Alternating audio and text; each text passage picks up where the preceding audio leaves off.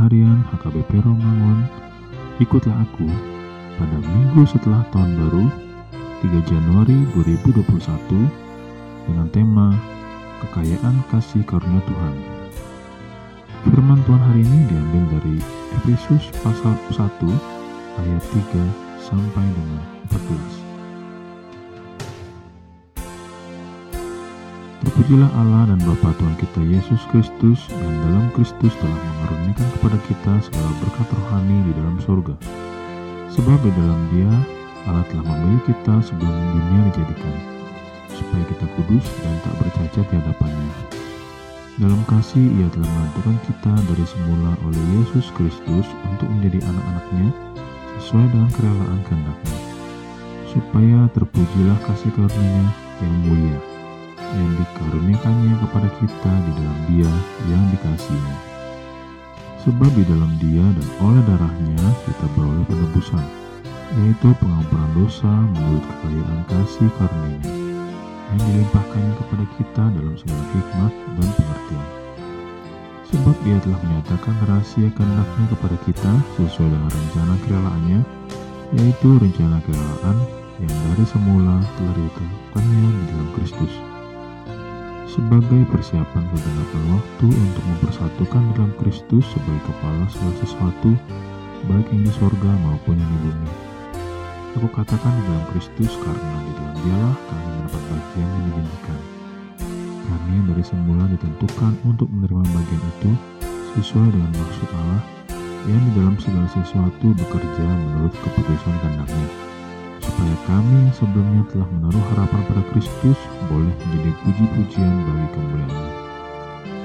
Dalam dia kamu juga, karena kamu telah mendengar firman kebenaran yaitu Injil keselamatanmu, di dalam dia kamu juga, ketika kamu percaya dimeteraikan dengan roh kudus yang dijanjikannya itu. Roh kudus itu adalah jaminan bagi kita sampai kita memperoleh seluruhnya yaitu penebusan yang menjadikan kita milik Allah untuk memuji kemuliaannya. Firman Tuhan pada hari ini mengajak kita untuk tetap mengucap syukur, yang mana oleh karena kekayaan kasih karunia Tuhan sajalah kita masih diberi kesempatan untuk menikmati berkat kemurahannya. Begitu luar biasanya berkat kasih karunia yang dari Tuhan. Di dalam setiap kekurangan hidup kita, Tuhan tetap mengaruniakan kita berkat rohani di dalam sorga. Kasih karunia yang daripada Allah ini dapat digunakan untuk menunjukkan intervensi Allah dalam memberikan kasih karunia atau anugerah, yaitu selalu dalam kebebasan anugerah kekal. Dalam hal ini, anugerah berarti sesuatu yang hanya berasal dari Allah saja, bukan karena jasa atau perbuatan manusia hanya dari Dia, oleh Dia, untuk kita. Karena begitu besar kasih Allah akan dunia ini, sehingga Ia telah mengurniakan anaknya tunggal. Yohanes 3 ayat 16a. Hanya oleh karena kasih karunia sajalah.